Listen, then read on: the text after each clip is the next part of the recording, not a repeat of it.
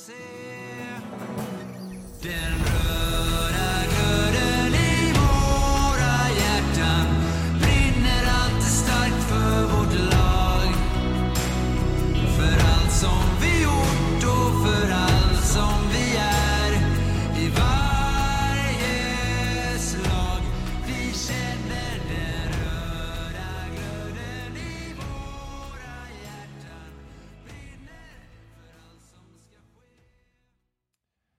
Välkomna till podden om Kalmar HC i samarbete med Mad Group International.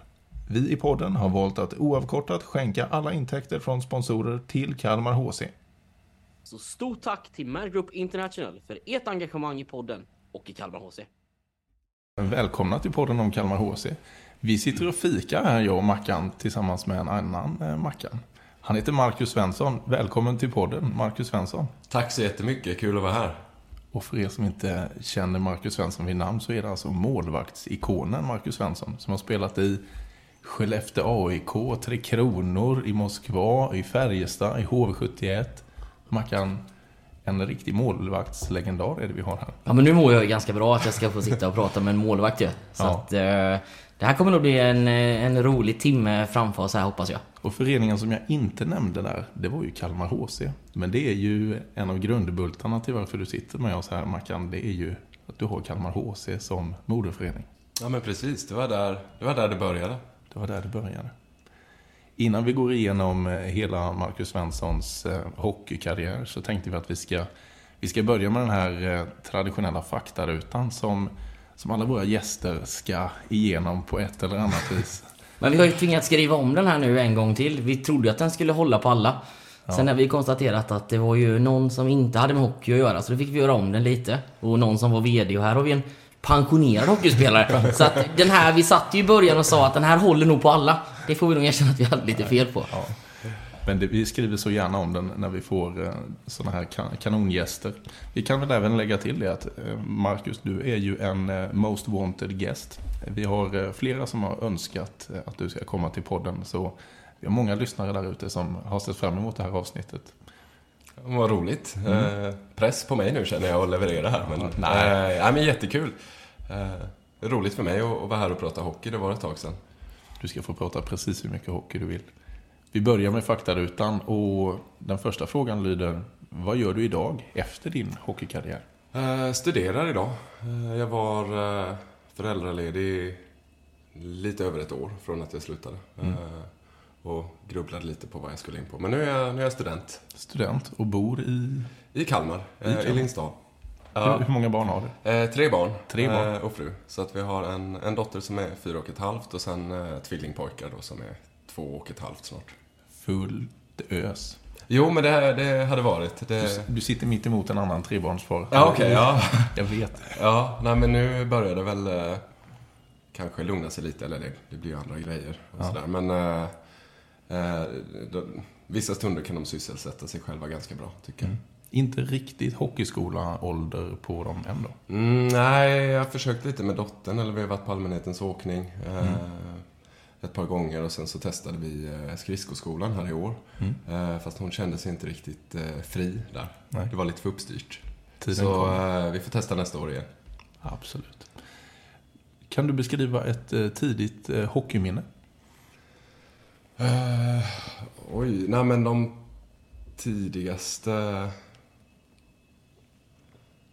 Eh, nej, men jag, har väl, jag har väl två ganska tidiga från att jag spelade. Sen har man ju mycket minnen från, från läktaren. Man stod och tiggde klubbor och sådär när A-laget spelade. Men, eh, jag tror det var vår första match vi mötte Nybro.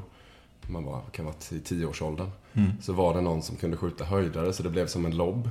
Oj. Och den, den, den råkade landa i plocken på mig. Och då var jag fruktansvärt nöjd, kommer jag ihåg. En tv-räddning. ja, men precis. Så det var... Ja, det är väl, det är väl bland de första minnena. Kanonminne ju. Ja. Eh, Mackan och jag har levt i föreställelsen om att alla inom hockeyn har ett smeknamn. Mm. Har du haft något hockeysmeknamn? Eh, jo, men det har jag väl haft. Eh, Trolle var väl det första, tror jag. Eh, och sen har det varit mycket Mackan och sådär. Eh, men det, ja, det är väl de vanligaste. Saknar du något med hockeyn nu när du är hockeypensionär? Ja, men det gör jag ju. Alltså framförallt det här känslan när man kommer in efter en match, när man känner att man som lag har verkligen presterat på max och man, man har vunnit och liksom den, men hela den, den glädjen efter. Eh, den är nog svår att hitta någon annanstans tror jag. Eh, så den, den saknar man ju. Sen har jag ju känt lite, eh, typ när slutspelen och sånt ska dra igång. Eh, då, då kittlar det ju lite, Det är så. lite mer. Jo men det gör det, det tycker jag. Växer hornen ut då, även om du inte behöver. Ja, det blir väl lite mindre för varje år, men framförallt första året efter jag hade slutat, då var det, då var det lite... Då, då kände man ju mer. Eh, Men sen, eh, för mig, det, allt, allt jobb bakom och sådär, jag, jag tror inte att jag hade orkat eh, fortsätta lägga ner den tiden. Nej. Tar du ut den här liksom, vinnarskallen, tar du ut det i någon annan sport eller träning nu, eller hur gör du? Ja, men jag tycker jag, jag försöker ju träna på. Jag mår ju, man mår ju bra av att träna så att jag försöker ju träna ett par gånger i veckan. Eh, men eh, ja, jag vet inte. Det är väl att man, man, vill, man vill göra bra ifrån sig vad man, vad man än gör, tycker jag. Men nej, inte sådär om vi spelar brädspel med familjen och så. Att det blir, ja, ja, jag vill ju vinna såklart. Men, eh, nej, det blir inte riktigt samma sak. Det är inte det? Nej. Nej. Du har lyckats liksom eh, kedja den vinnarskallen lite grann. Ja, men jag tror det. Ja. Ja, Du kan plocka fram den när det väl behövs. ja, ja men jag hoppas det. Ja, härligt. Vad saknar du inte med hockeyn? Uh, ja, resorna då, Mm. skulle jag säga. Åka Eh, buss är inte skitkul. Nej, det kunde ju vara mysigt också såklart, men just det här komma hem sent på nätterna eh, och man vet att man ska upp och spela kanske nästa dag igen och eh, ja, alla resor och, eh, och vara, var hemifrån så pass mycket. Eh, det blev väl kanske tydligare när, eh, när man fick barn. Eh, då tyckte jag att det var ganska påfrestande att vara, ibland vara borta en hel vecka. Eh, när, när dottern var liten. Då. Mm, jag förstår. Vi har en, en sista fråga i faktarutan som lyder har eller hade du någon hockeyidol? Ja, oh ja. Det var ju massa, massa folk som man har sett upp till. Eh, i, I början så var det liksom ja, de flesta målvakterna som var äldre än en själv i, som spelade i Kalmar. Eh, tittade man ju på. Eh, men den, den första utanför Kalmar eller så, det var ju Jarmo Myllys. Eh, ja. Bra gubbe. Ja, jo men han hade ju karaktär. Om jag inte Vi, minns helt vi har ju lite unikt också här med att du har ju faktiskt blivit namngiven som att du har varit en av våra gästers idol. Eh, Ja. Jonathan Stålberg som spelar i Kalmar nu eh, gästade i podden inför säsongen då. Just det. Och då eh, tog han upp dig som idol för han, han spelade ju, han är ju från Skellefteå. Ja, ja. Så han var ju där när du var där då. Så att, Ja, just det.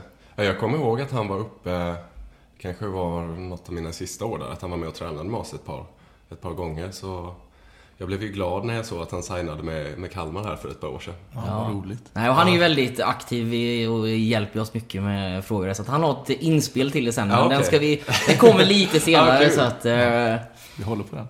Men om jag inte är helt ute och cyklar så tror jag att eh, Stålis svarade ju att eh, en av hans idoler var Marcus Svensson. Men att det även var Jarmo Myllys. Kan nog stämma. Nu eh, sätter du mig lite på pottkanten här. Ja, och jag Eh, själv går ut på lite djupt vatten Ja. där. Men eh, tveklöst så svarade han att det var Marcus Svensson i alla fall.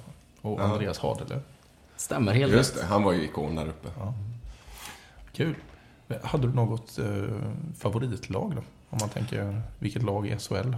Alltså det, ble, det var ju Luleå då i och med att Jarmo spelade där. Ja, det var så. Eh, det var det. Alltså det gick ju till och med så långt så att när Sverige mötte Finland, var det 95 i VM-finalen? Ja. Så höll jag ju på Finland för att Jarmo stod där och Nej. jag tyckte inte om. Thomas Östlund.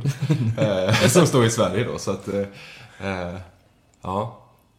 Vad, vad är det vi hör? Jag, jag valde, valde lag på målvakt, så, så var det väl alltid nästan och det, det sit- sitter väl i. Jag har väl varit mer intresserad av målvaktspositionen än av sporten egentligen. Wow, wow. Jag förstår eh, exakt vad du, vad du menar. så att, det är inget konstigt där. Nej, härligt. Det var våran faktaruta, men jag, jag, jag knuffar in en liten så här, eh, fråga emellan faktarutan och det som kommer att handla mer om ditt karriärsegment. När såg du livehockey senast?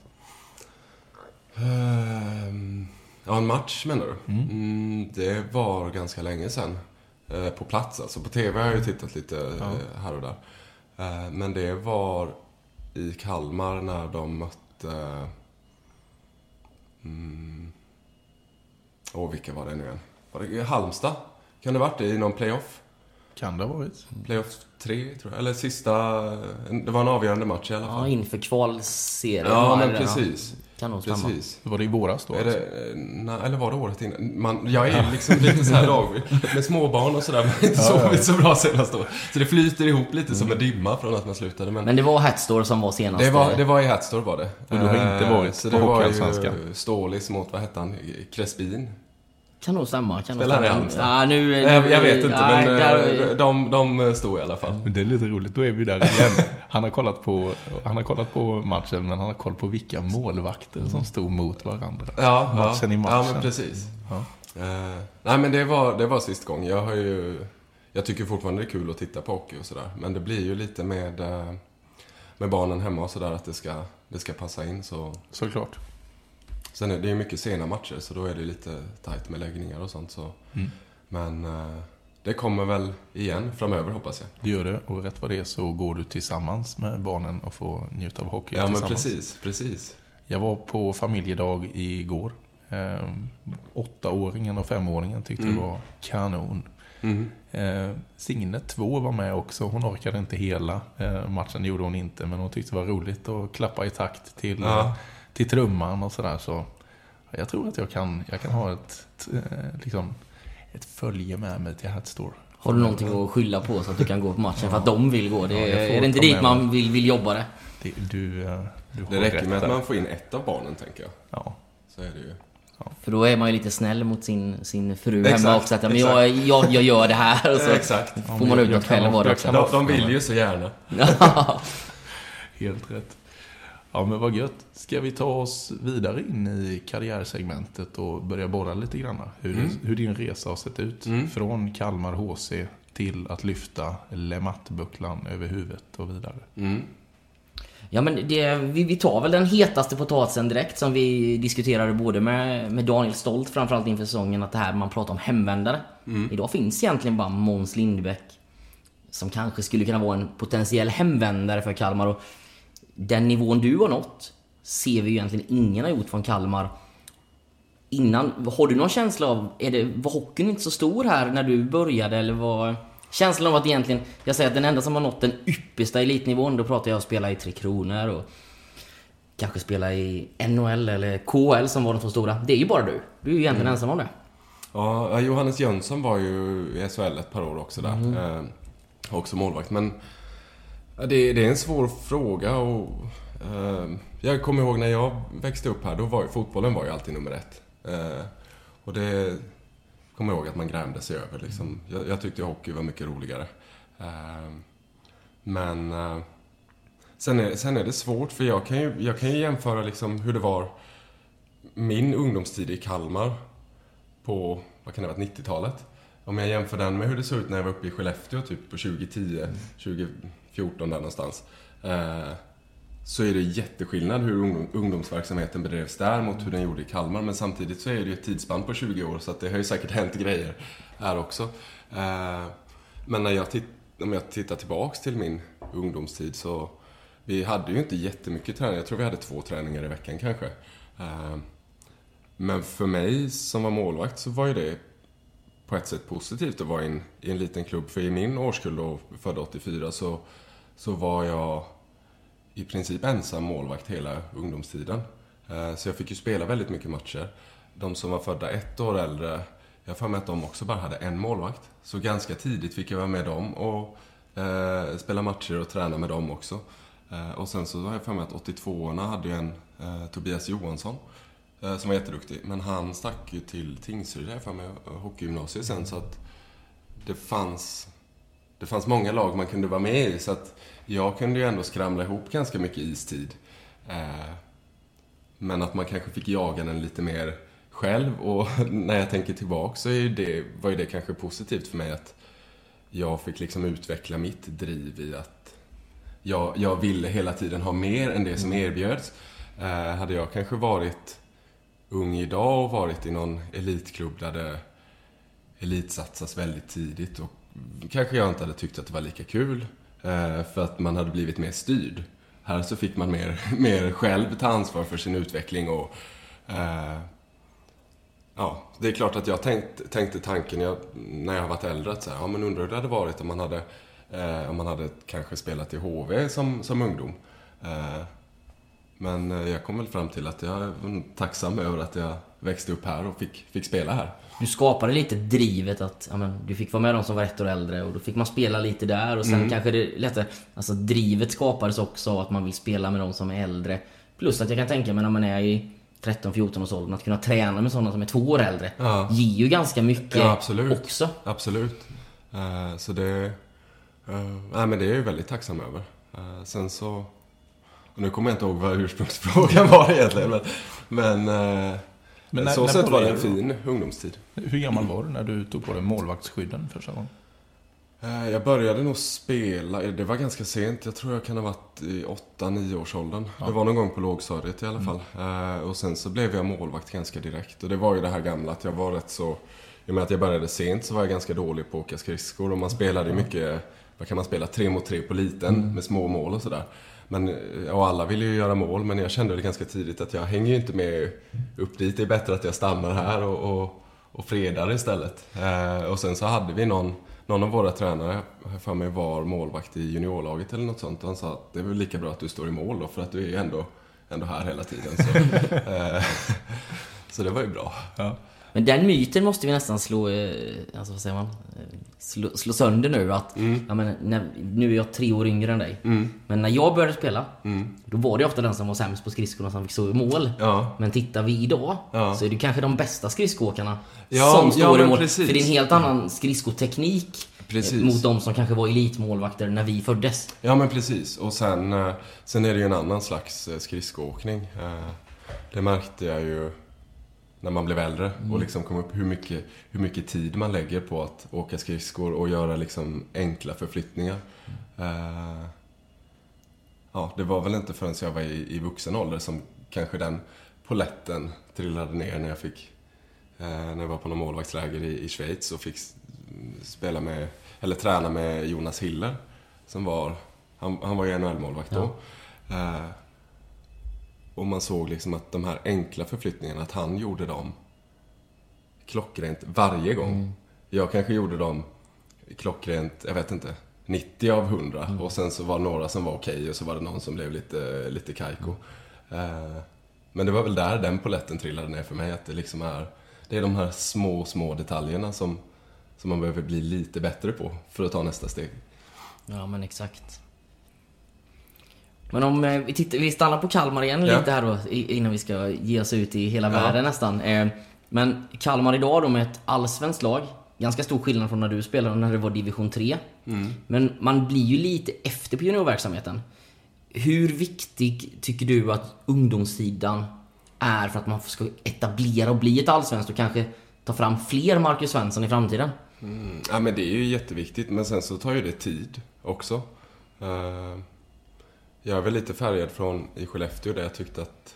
Eller som, som jag upplevde det så, så bedrev man ju en, en eh, klockren ungdomsverksamhet och man hade eh, juniorlag och ungdomslag som, som ville spela på samma sätt som A-laget. Så att när var det liksom aktuellt att plocka upp någon spelare så behövde man inte fundera på spelsystem och sådär utan det, det var liksom samma röda tråd som gällde. Eh, men det, det tar ju också tid och det känns som att man är på, på god väg och nu har jag inte jättemycket insyn i, i hockeyn i Kalmar idag men jag har sett att de har någon sån här hockeyfritids eh, och sådana saker. Eh, Det tror jag är, är jättebra. Och sen nu när, när A-laget är ändå uppe på hög nivå och presterar så pass bra så tror jag att det kan eh, liksom växa ett intresse hos, hos många unga. Men sen så tar det ju liksom lång tid. Det tar ju flera år att, att fylla på liksom från, eh, från att man börjar tills att man blir junior. Så. Ja, Det är men- kanske, kanske en 14-åring idag som kanske kan vara A-lagsmaterial om fyra år. Ja men precis. Nej, men och sen hänger ju alltihop. Alltså det här med att men, Johan, du bodde ju i Kalmar när du växte upp men började heja på HV. Alltså hade du växt upp i Kalmar idag så kanske det är lika naturligt att heja på, på Kalmar Ja. HC.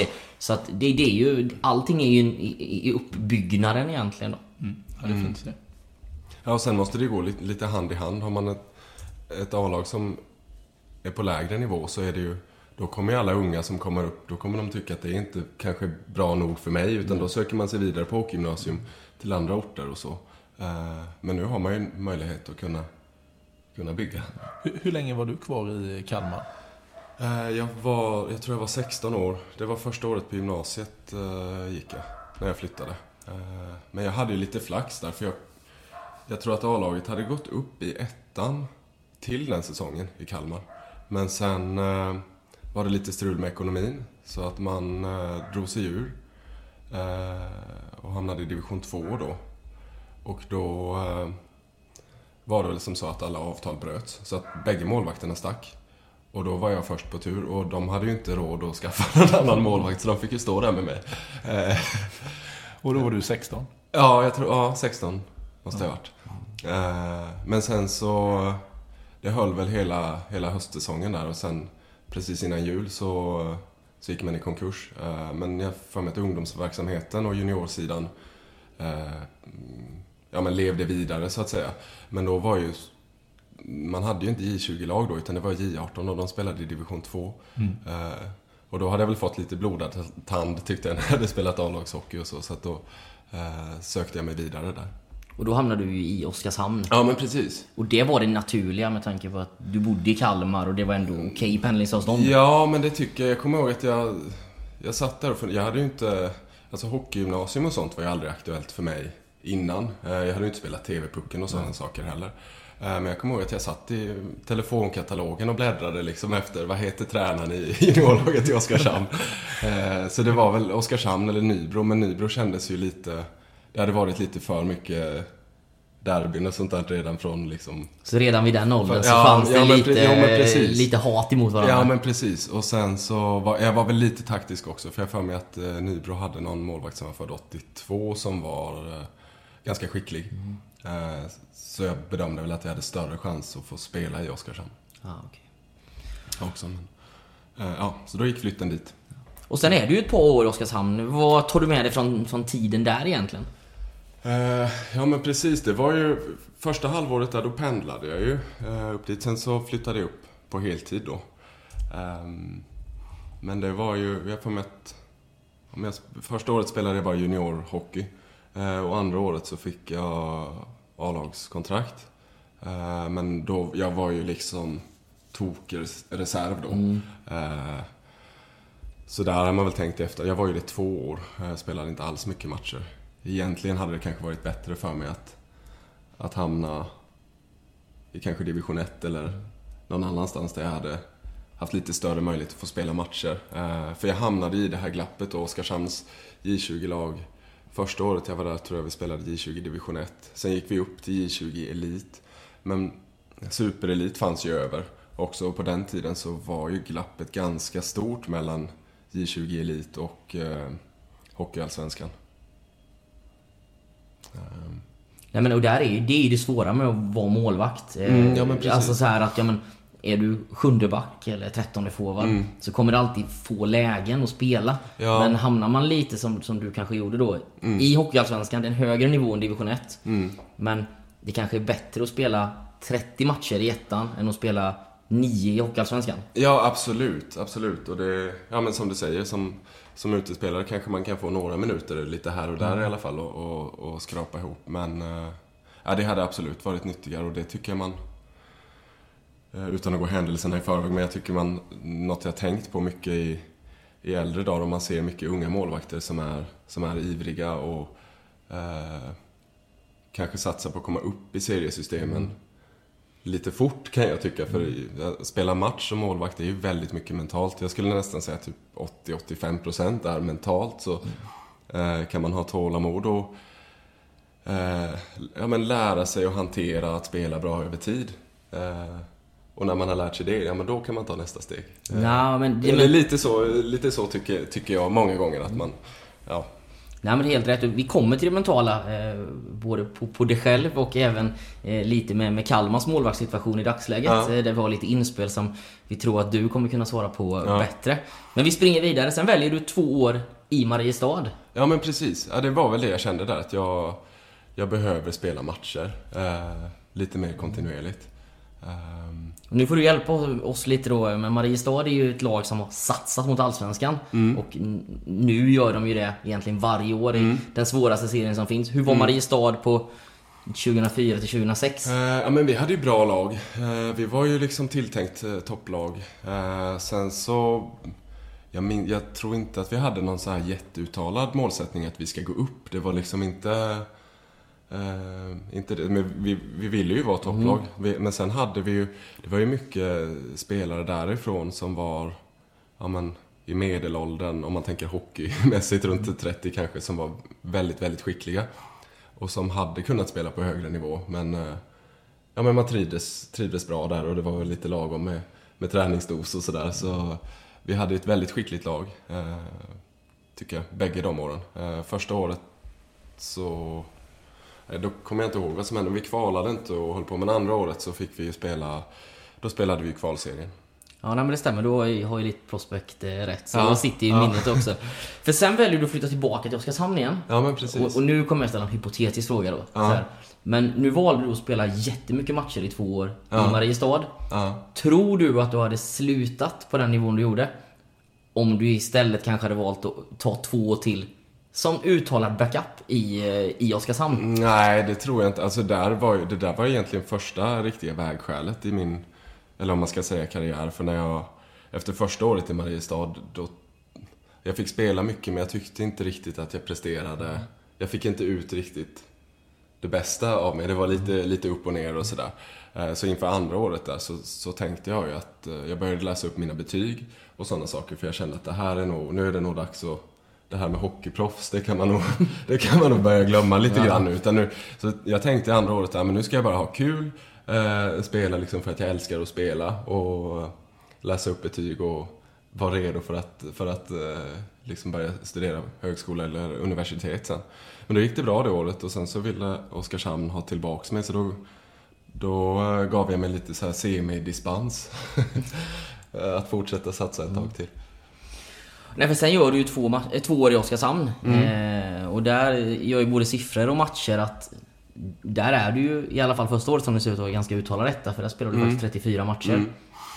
Eh, ja men det var ett, eh, ett bra år. Jag var väl inte riktigt tänkt eh, att spela så pass mycket det året. Men eh, Timo Leinonen som hade varit i Oskarshamn många år innan och som jag hade varit backup till innan. Han hade ju lämnat inför det året. Så det var en ny... Ja, vi var två nya målvakter det året. Eh, men jag för mig att han skadade sig ganska tidigt in i serien och så eh, fick jag chansen där och... Eh, ja men att jag växte, växte fram. Ari Lostarinen, tror jag han hette. Oj, nej, det var inget jag kände igen. Ja, han, kom, han kom från finska, jag tror han hade varit reserv i finska ligan. Eh, och jag kommer ihåg att Timo Leinonen som hade varit innan, han ringde mig där innan. Precis när jag hade skrivit på och var så här, men nu, nu har du en bra chans här. För han, han, han är duktig men han har inte spelat så mycket matcher så jag tror inte att han kommer orka spela, Ja. spela så många matcher. Så nu, nu kör här nu. Du fick lite pepp. Ja men exakt, han, han pushade på där så det var ju fint av honom. Mm, verkligen.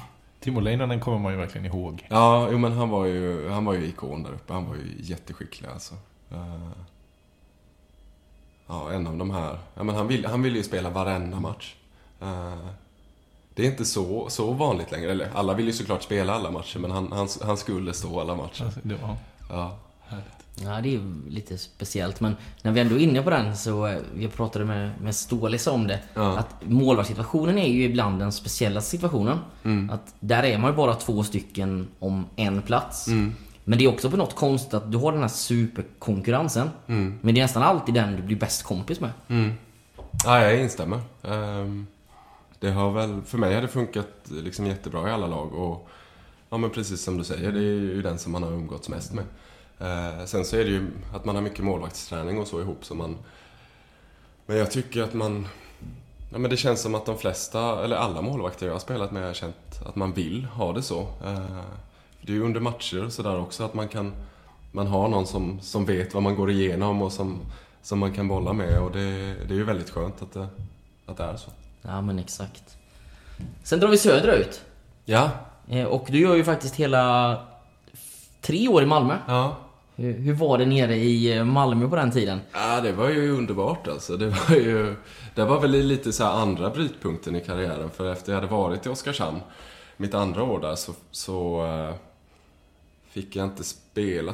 Jag får med att vi bytte sportchef och vi bytte tränare och, och sånt mellan första och andra året. Min andra vända i Oskarshamn. Nu blir det lite rörigt här alla ja, byten. men vi tror vi är med. Ja.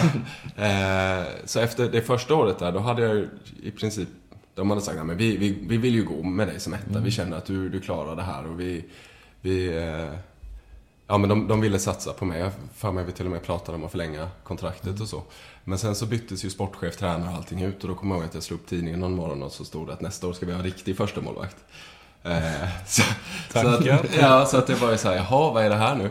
Eh, Så det började väl lite si och så det andra året och sen, eh, vi hade ju samarbete med Linköping och lånade in målvakter där, därifrån. Så jag bestämde mig väl ganska tidigt i året att jag kommer inte, här vill jag inte vara kvar.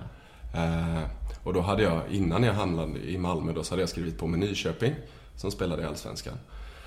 Men de blev ju av med sin elitlicens. Eh, det var ju runt midsommar eller något sånt där. Eh, Så då var jag ju klubblös, så det slutade med att jag skrev på med Nyköping ändå i division 1 på någon sån här, eh, men jag hade klausul att jag fick bryta Ja. för spel högre upp. Och sen av en riktig slump så hörde ju Malmö av sig. Eh, För då hade Janni Hurme problem med ryggen. Så de behövde en målvakt. Och det där fick jag ju höra i efterhand att det var ju ganska sjukt egentligen för jag hade jag hade träffat målvaktstränaren i Malmö under sommaren. De hade varit nere i Oskarshamn och spelat inlinehockey. Och sen så jag för mig det var fotbolls, om det var VM eller EM det året. Så de ville ut och, och käka efter matchen och se någon match. Eller ja, titta på fotbollsmatchen då. Eh, och då lyckades jag råda ihop så att de fick ett bord på ena puben där, pub Kråkan hette den. Jag tänkte Oskarshamn. precis säga, var, var det Skala eller var det Kråkan? Och sen, eh, ja men i början på den säsongen, då fick ju den målvaktstränaren typ tre utskrifter från Elite Prospect med tre målvakter. Och så här, ja men vilken av de här vill du ha? Och han visste ju inte så mycket av någon av dem, men när han visste om mig var att jag hade ju fixat en bra kväll där och att han Yes. tyckte, ja men det var, en- det var en skön kille, han, han kan nog funka i det här laget. Så det var det, det de tog mig på, han berättat så.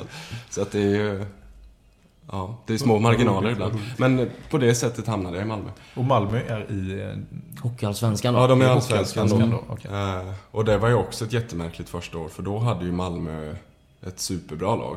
Eh, de skulle ju upp. Är det året med när Klasen är... nej, nej, det där är lite längre Det fram. är längre fram, okej. Eh, men vad hade vi då?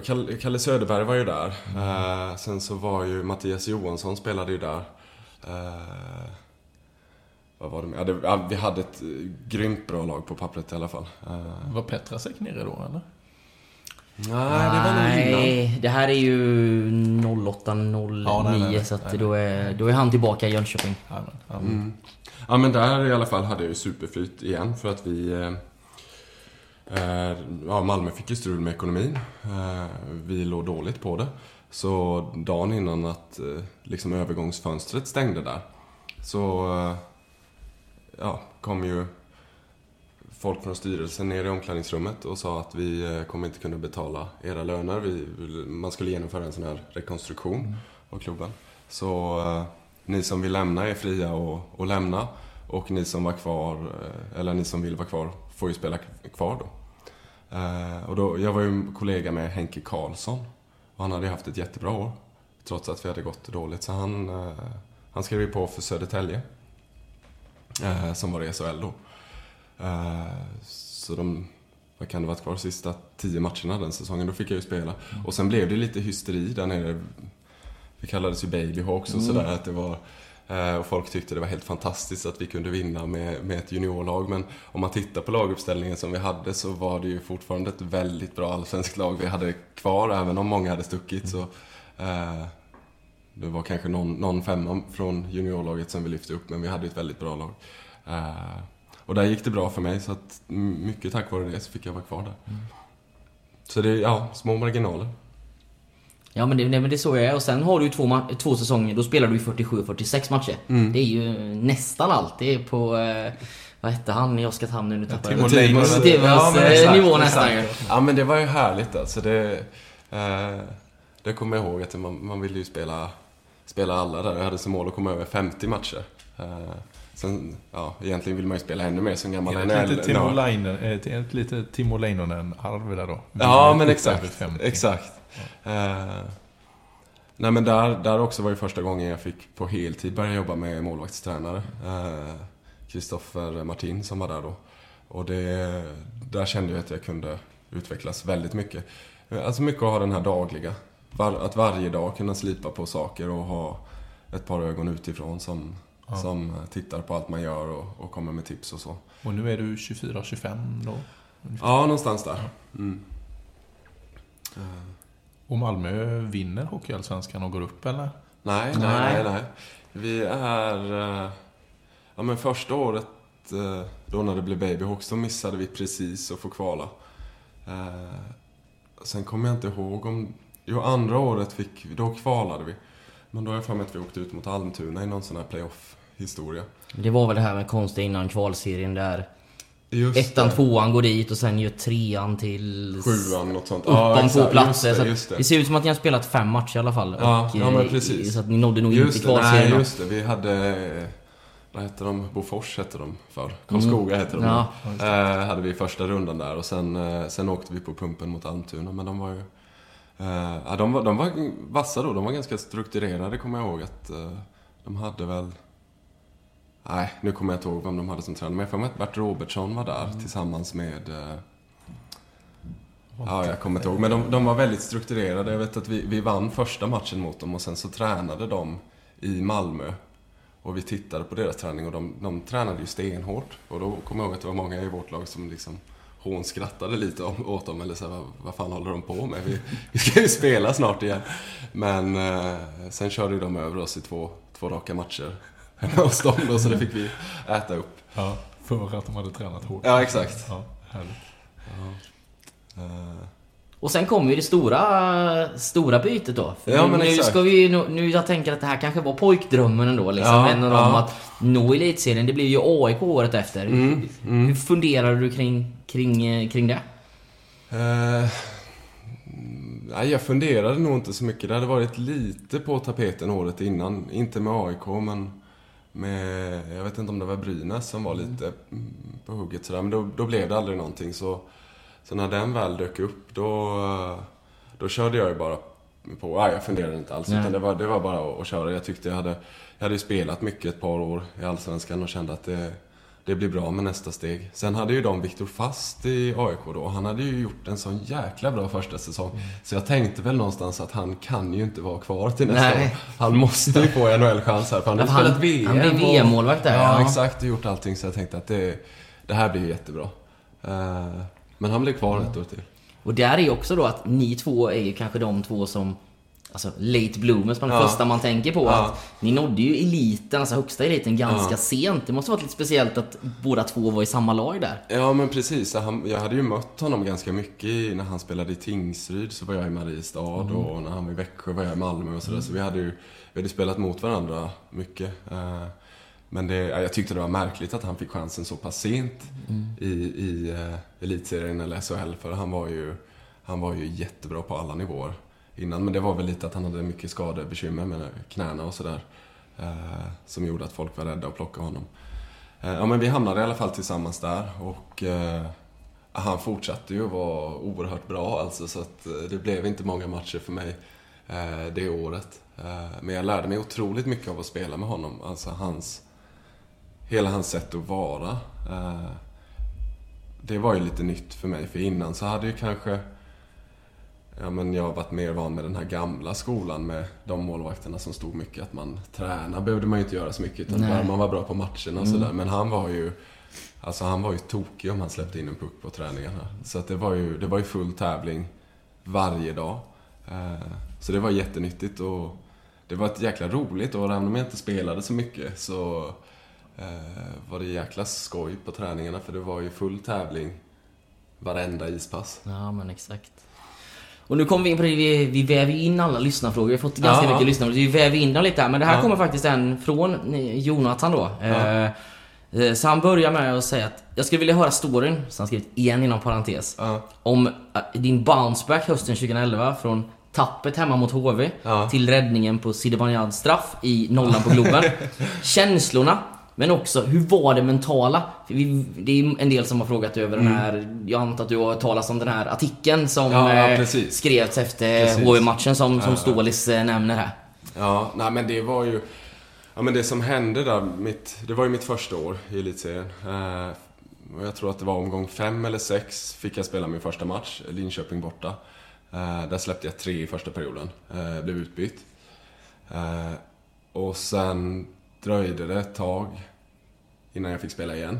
Eh, jag kommer inte ihåg vilken omgång det var. Det var inte tänkt att jag skulle starta den matchen mot HV, kommer jag ihåg. Eh, Jag har för mig att Viktor hade fått någon puck på fingret, han hade någon spricka i fingret eller sådär. Så egentligen så hade de tänkt att spruta honom. Eh, Men då har jag för mig att målvaktstränaren var så här, men liksom för helvete, vi kan ju inte hålla på och spruta folk i omgång 12 eller vad det var. Utan alltså, nu, nu, nu får ju Mackan spela. Så att han, han ringde mig efter jag hade tagit min, min napp på eftermiddagen där och var så här, men du, du står idag. Eh, och sen så, det, det började väl ganska bra den där matchen. Alltså vi var ju, vi var ju verkligen på hugget. Jag tror vi ledde med 6-2 eller någonting inför 7-2 till och med jag 7-2 kunnat till och med. läsa ja, mig vi, till vi ledde stort inför tredje, kommer jag ihåg. Och sen så började ju liksom puckarna trilla in där en efter en och sen till slut torskade vi. Men det, det var ju tufft alltså, framförallt eh, hur allting blev efter matchen. Eh, ja, men jag blev ju ganska uthängd i media. Eh, sen så har jag för mig att det var Kanske taskigt att nämna namn, men jag vet inte om det... Jag för mig att det var Ros eller ja, men någon av de här större drakarna på någon Lasse Andrell var det faktiskt som skrev den här. Ja, men det var Så någon... bra research. Ja, exakt. ja. Andrell skrev så, men det var någon av dem som ringde till mig på kvällen sen efter matchen och var så här, du, hur är det? Jag hörde att du, blivit, att du har blivit mordhotad. Eh, precis när jag skulle somna. Och det var ju mer så här, oj.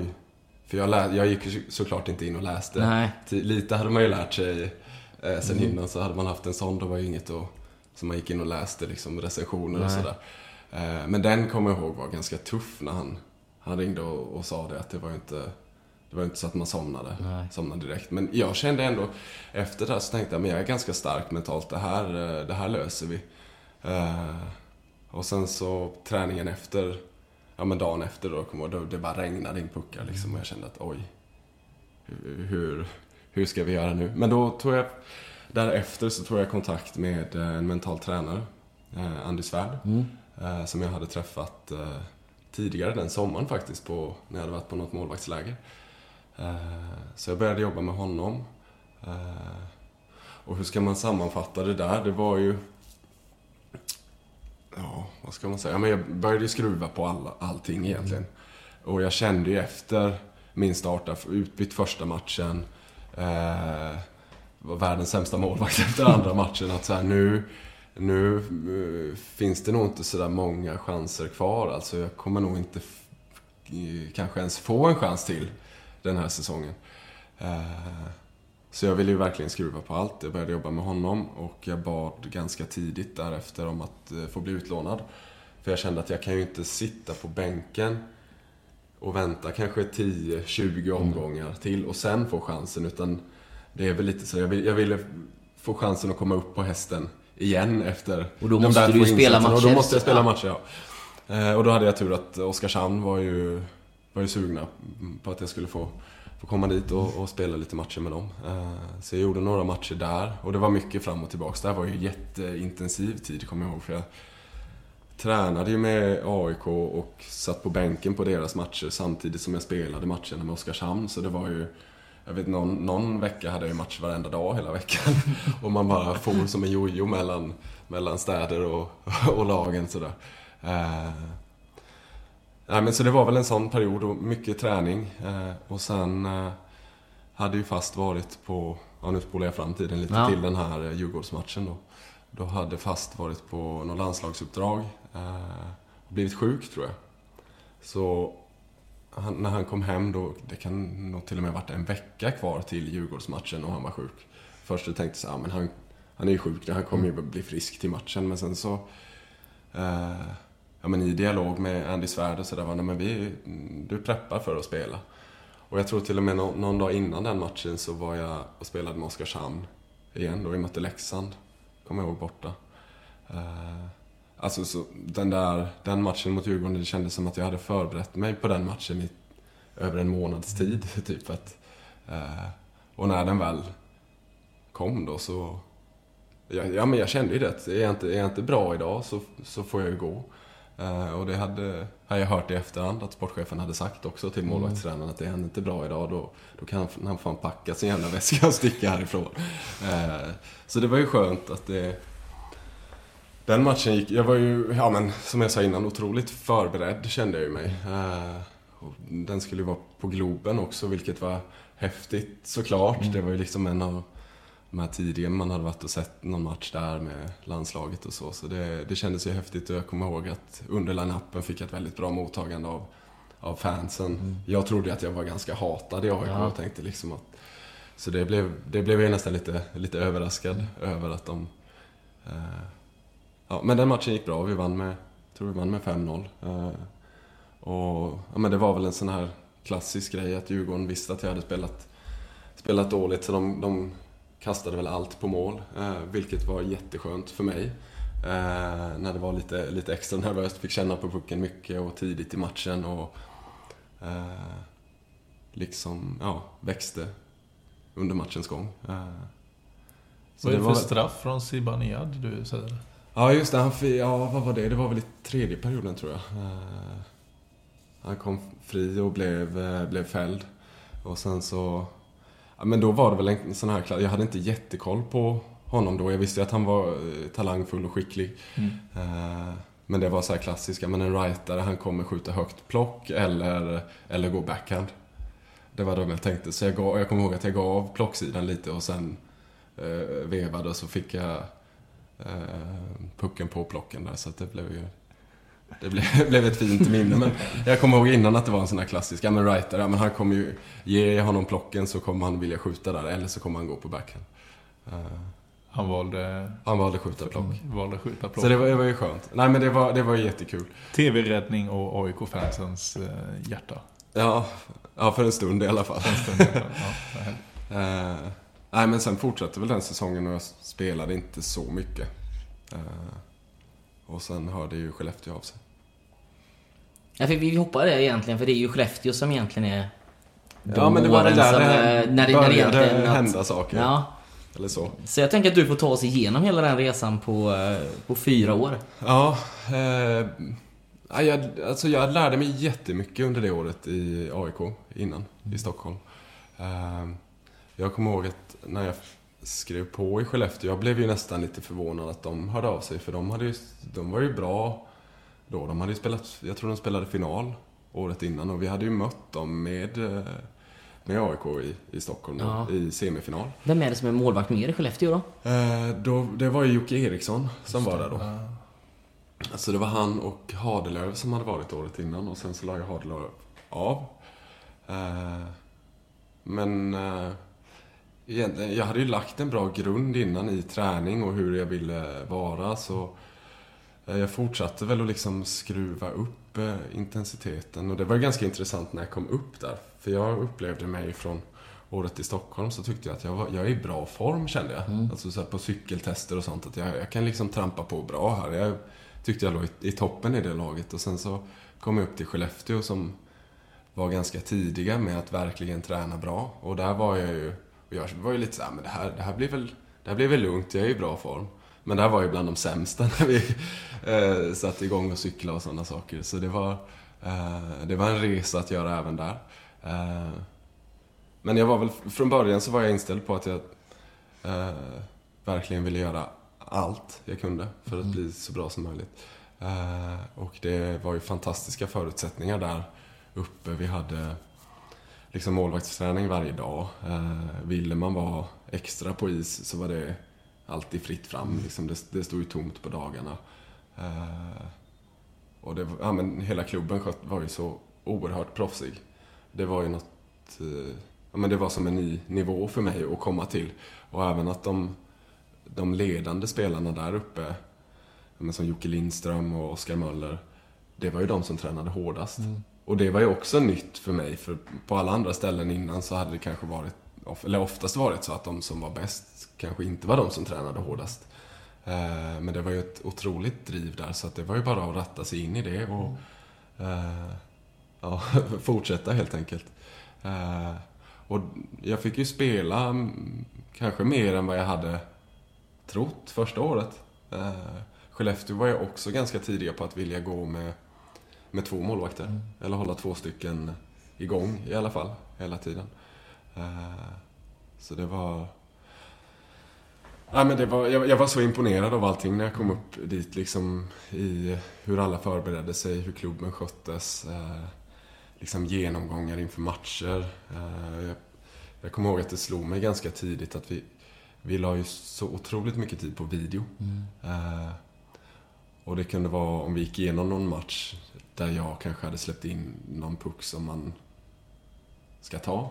Eller någon som var, någon som var billig. Eh, I alla andra lag jag varit i så, så analyserar man inte det utan det är liksom så här, den skulle han ha tagit. Men det här var ju, ja men Bert Robertsson och de här, de var ju så här, ja men hade du hållit din gubbe där så hade inte han kunnat spela dit och hade ni gjort så, hade ni gjort så. Så att han, liksom trycket i laget på att det är kanske fyra andra grejer som, som vi måste göra bättre för att det här inte ska uppstå igen.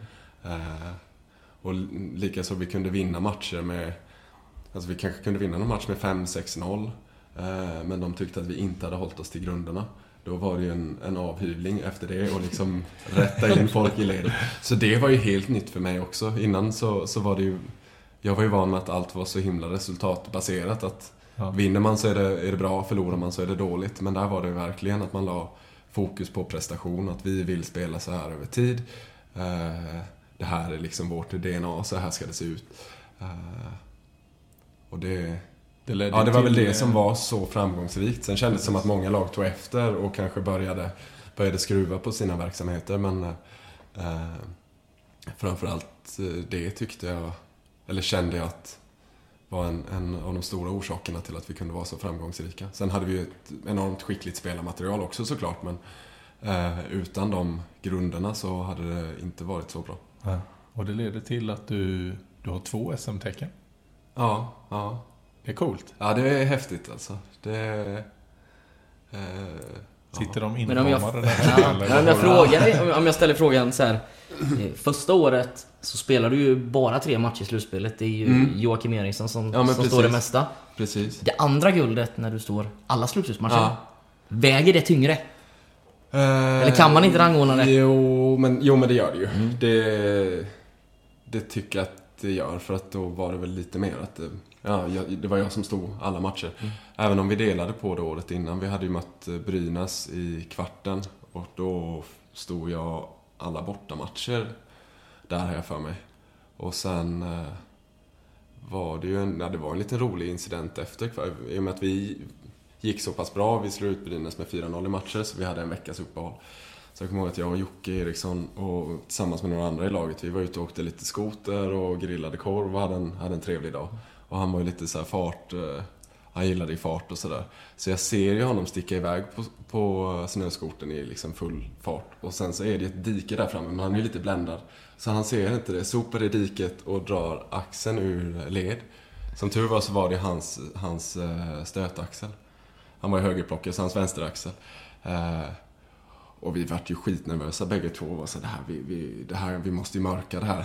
Så vi, in med honom i bilen och vi drog snabbt hem till hans lägenhet. Eh, och ringde till lagläkaren och vi drog upp någon story om att vi hade varit ute och gått med hans hund och hunden hade dragit. Det hade varit halkigt och han hade ramlat. Eh, fast hon, hon genomskådade ju det ganska, Ja. ganska fort. Eh, men så han var ju ganska illa där än. Så jag har för mig att jag fick spela första matchen i, i semin, men sen eh, i och med att det var hans stötaxel så gick det att tejpa ihop ganska bra. Så att han, han kunde, kunde genomföra slutspelet sen. Tanken var att jag skulle stått någon match i finalen där mot Luleå, kommer jag ihåg, men...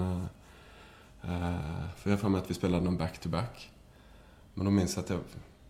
Den matchen jag satt på bänken då, vi skulle spela dagen efter, jag visste jag skulle stå och jag kommer ihåg att jag stod där på bänken och tyckte att det var så konstigt att jag inte kände mig liksom på. Att jag, jag ville liksom bara hem och lägga mig. Jag tänkte det är ändå SM-final här, vad fan är det som händer? Men sen tog jag tempen efter matchen så där jag hög feber. Eh, Så, så Jocke fortsatte stå och gjorde ju det fantastiskt bra där. Så, eh, ja, det var lite, lite kuriosa kring det året, men det var, Det var roligt. lite kul, kul story. Ja, men det är en bra story. Ja. Uh, ja, men andra året så, då var Jocke fick ju NHL-kontrakt. Uh, eh, så det var ju... Det var ju lite rörigt. Det var jag och Stefan Sten som skulle vara uh, målvakter först. Var det ju sagt. Sen så tog de in Henke Karlsson ganska sent. Han hade väl varit i Calgary innan. Så det blev jag, Henke och Sten det året. Men det, det gick ju bra. Det är en stark trio.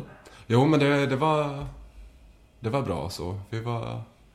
Det, det funkade jättebra. Jag tyckte vi kompletterade varandra bra. Uh, och jag var skadad tidigt den säsongen så uh, Henke började ju stå mycket.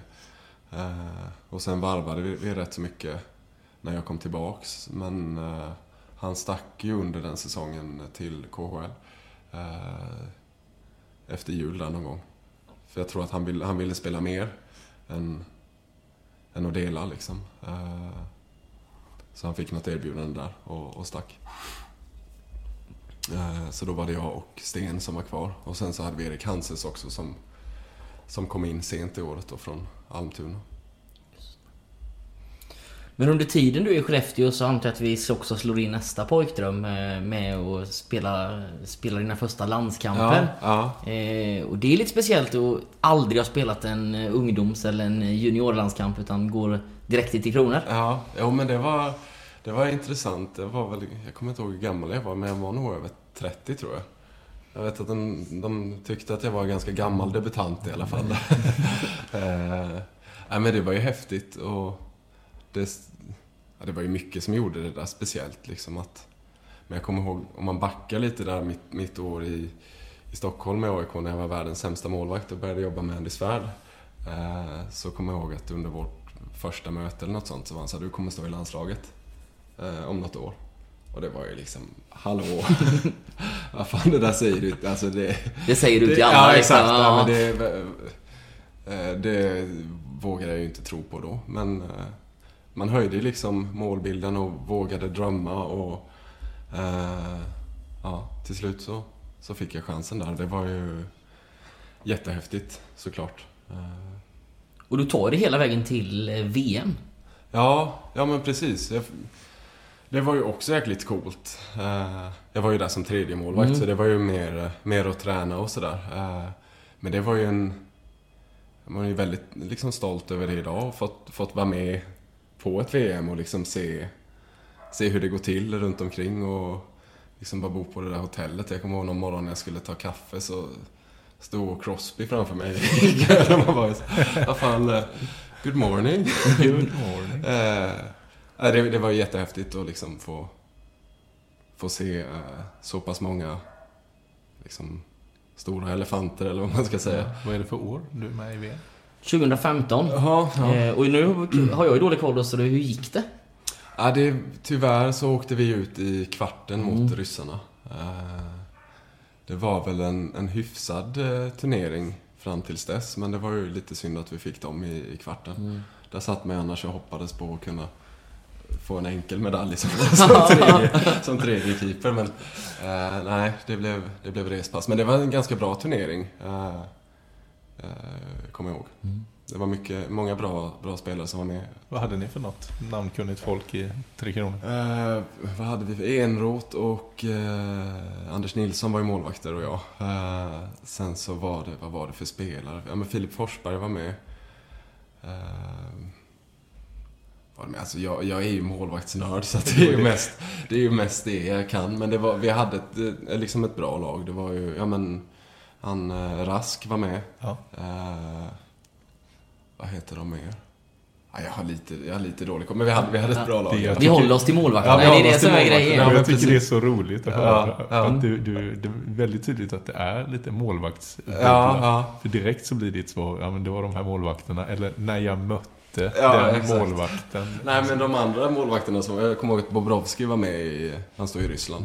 Eh, så det var ju svinhäftigt att, att se honom både live och spela, men även man fick någon glimt på träningarna ibland. Och sen så... Eh, var det mer för några? Mike Smith var i Kanada. Eh, var det mer? Martin Jones var där. Pavelec var väl i Tjeckien. Eh, Var det? ja, nu kommer jag inte på fler på rak arm, men det, var, det var jäkligt häftigt att se så många. Men Ni, ni åker ut mot ryssarna och Mackan, är det KHL som eh, står näst? Ja, vi har ju ett år till i Skellefteå men vi Mm. hoppar till KL där. Ja. Eh, eh, klockan springer ju på Ja. här. Vi har ju ganska mycket kvar tänkte jag säga. Eh, två år i eh, Ryssland. Ja. Vad var det som fick dig till Ryssland? Eh, ja, men egentligen så hade jag hade ju höjt min målbild från att jag kom till Skellefteå. Då, då, jag, jag satte ju som mål att jag ville till NHL. Eh, det var väl egentligen första gången jag vågade. Så att det hade mer varit en dröm innan och liksom så här hoppas eller åh, det hade varit coolt. Men då satte jag det som mål att nej, nu, nu vill jag dit. Eh, och tränade efter det. Eh, men jag kände... Bryter in snabbt bara. Ja. Viktor Fast, som du spelade med i AIK. Ja. Lite late han gjorde den Ja, resan. men Såg du dig själv lite i... Ja, ja, absolut. Mm. Absolut. Ja, Alltså, om man ska dra det till sin spets, mitt första år i Skellefteå så, ja, i början så låtsades jag att jag var Viktor Fast. Mm. Jag tänkte så här, men jag, nu ska jag vara Viktor Fast. Eh, Jag ska göra som han har gjort.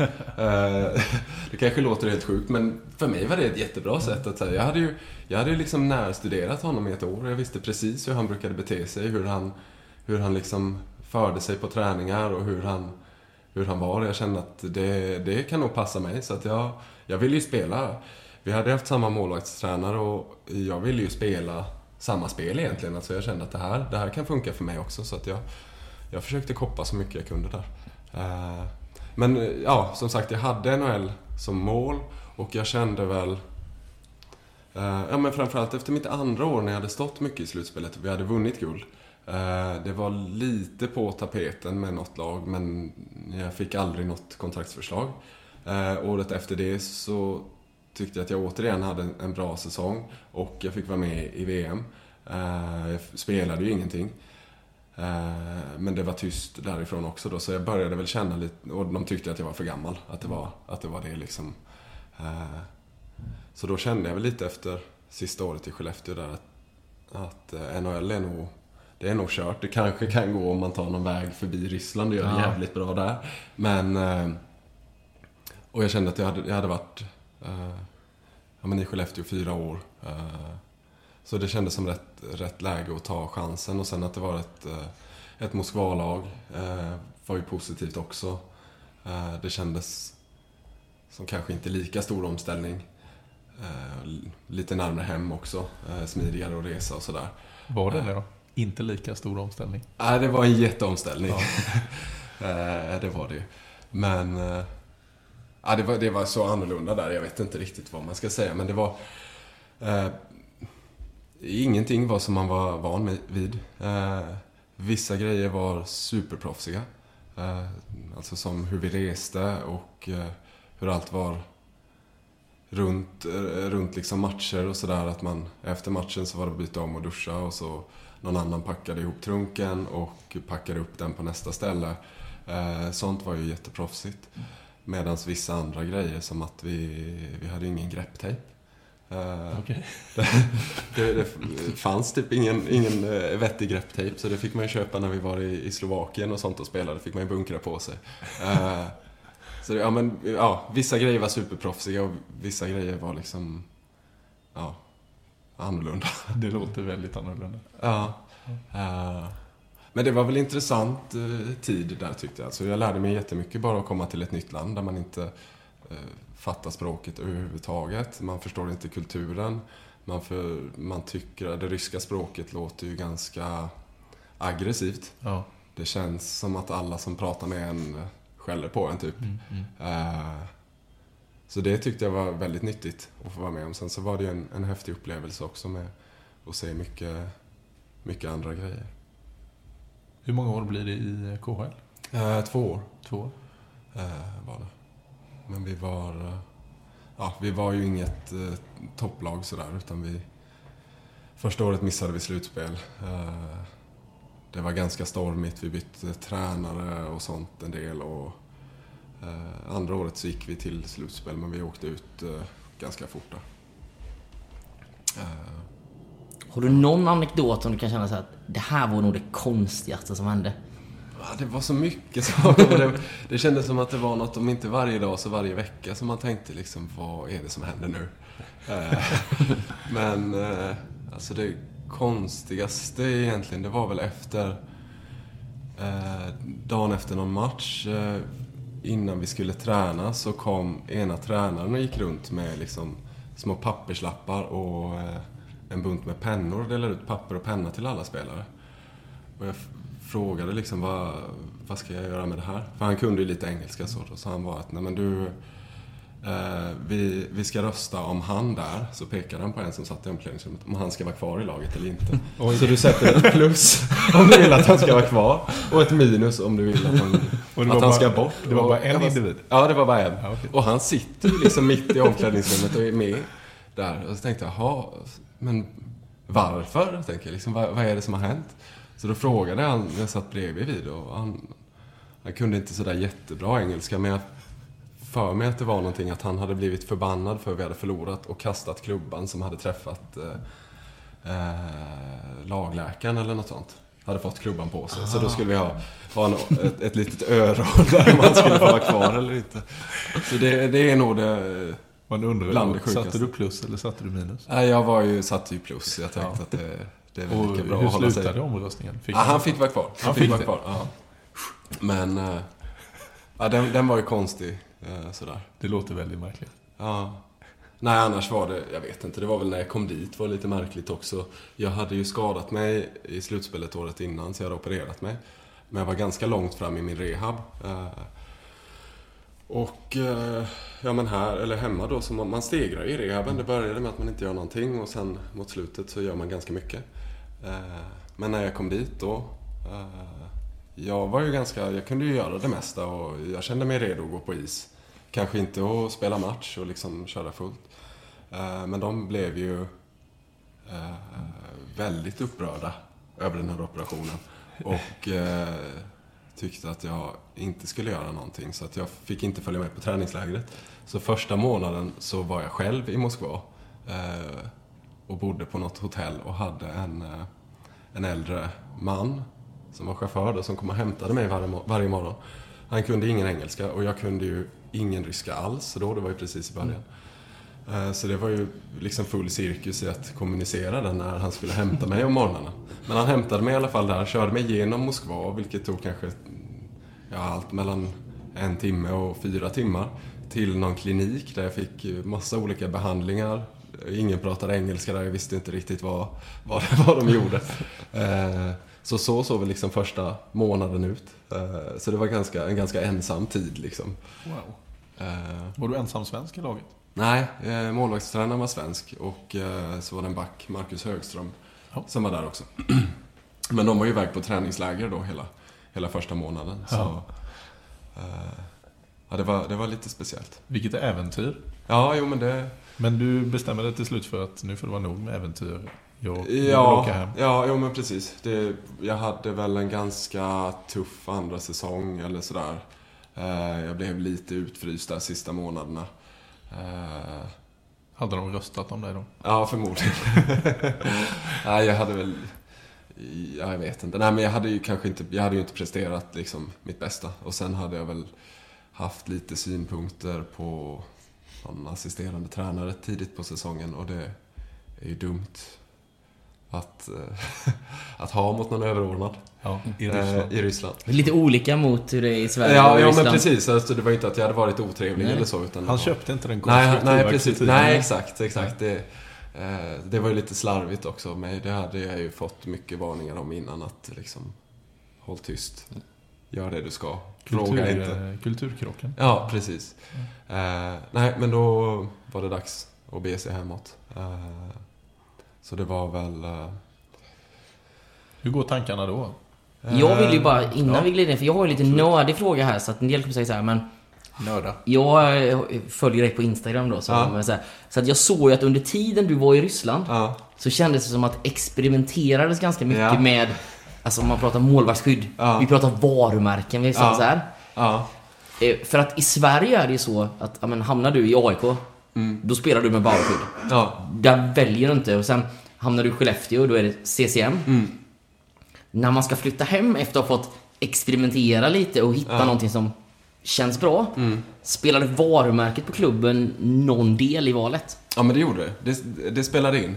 Eh, och som du säger, i Sverige är man ju väldigt låst. Det är ju antingen CCM eller Bauerlag. Nu är det väl, ja, Västerås har väl Warrior tror jag, men annars är det ju, är det ju dem. Eh, och det tyckte jag ju var svinkul med Ryssland, att man får spela med vad man vill.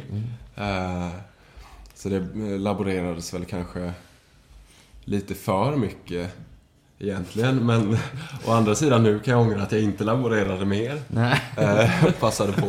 Men eh, då när jag skulle hem så spelade det in. För jag vet att det tog ju ett tag där. Sen så var det intresse från Färjestad. Eh, och från Brynäs. Och Färjestad var ju CSM-lag och Brynäs var ju Bauer. Och eh, jag hade ju, jag var ju mer bekväm, eller jag var mer van med CCM då. Så att det, det var ju lite fördel. Det var det ju. Eh, Så det, det är klart man tänkte så. Sen så kunde man ju ha man kunde ju skriva in klausuler i sitt kontrakt men det var ju svårt med de här yttre skydden, alltså kanske Ja, benskydd mm. och plock och stöt och Det sånt som syns. Ja, Ja. precis. Så kombinat och sånt kunde man ju få, få dribbla lite Mm. med om man ville. Eh, och skridskor syns ju inte så Nej. tydligt på målvakt heller. Eh, och likadant mask kunde man ju få. Det var de ganska flexibla med i, i Färjestad. Ja. Eh, Så där har jag för mig att jag hade Jag fick välja vilken mask jag ville ha och skridskor hade jag också fritt på och kombinat. Vilket är det coolaste motivet du har haft på masken genom karriären? Oj. Eh, Något du är extra nöjd med? Ja, men det var väl en mask jag hade en kort tid i, eh, i Ryssland faktiskt som var Jag var lite inspirerad av eh, den som Van Beesbrook hade i Florida. Nu är vi på 90-talet någonstans. Med, men det är liksom som en hel eh, panter över hela masken, eller som ett gap. Eh, Så David lackade en sån i lite old school, lite två, tvådimensionell sådär. Eh, Den, den tyckte jag var jäkligt häftig.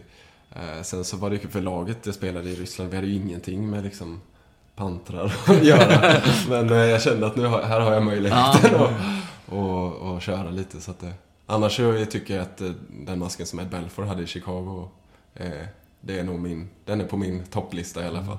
Eh, så det kan ju gräma mig lite att jag inte körde det temat i Oskarshamn, för de var ju de var ju Eagles då, ja, så där hade jag ju den möjligheten, men den, den eh, bommade man. Rackarns. Ja.